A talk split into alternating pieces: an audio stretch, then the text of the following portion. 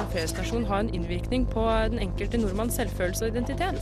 De sliter, og de har ikke råd til å betale eh, markedspriser for, for gassen. Akkurat nå hører du på Radio Novas samfunns- og aktualitetsmagasin, Opplysningen 99,3.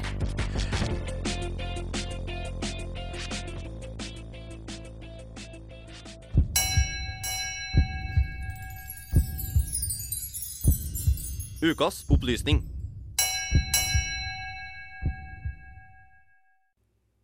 Har du fødselsdepresjon, B12, jern- eller brystmelkmangel? Eller kanskje lever du bare av å få oppmerksomhet? Da kan det å spise morkaker kanskje være en greie for deg. Kanskje.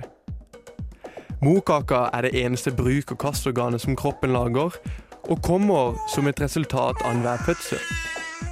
I tillegg til å bestå av en hel del masse blod, er dette hvor babyens mat blir fordøyd først, og hvor giftige stoffer blir filtrert bort og lagra. Høres ikke det fristende ut? Etter mediedekning å dømme så virker det som om stadig flere velger å spise organet, som visstnok skal smake litt som en lever eller en nyre.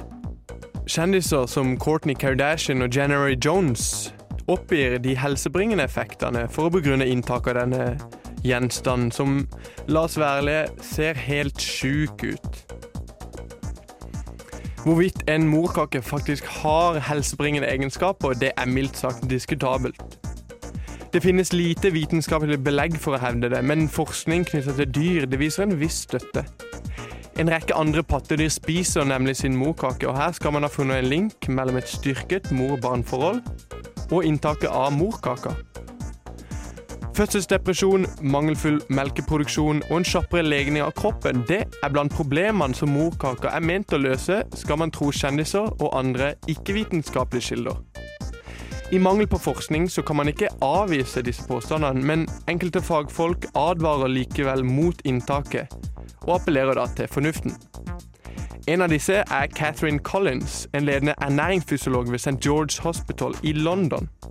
Hun sier til Huffington Post at bortsett fra jern, som lett kan finnes i andre matvarer eller kosttilskudd, så vil morkaka inneholde toksiner og helseskadelige stoffer som den har forhindra at barnet fikk i seg som foster.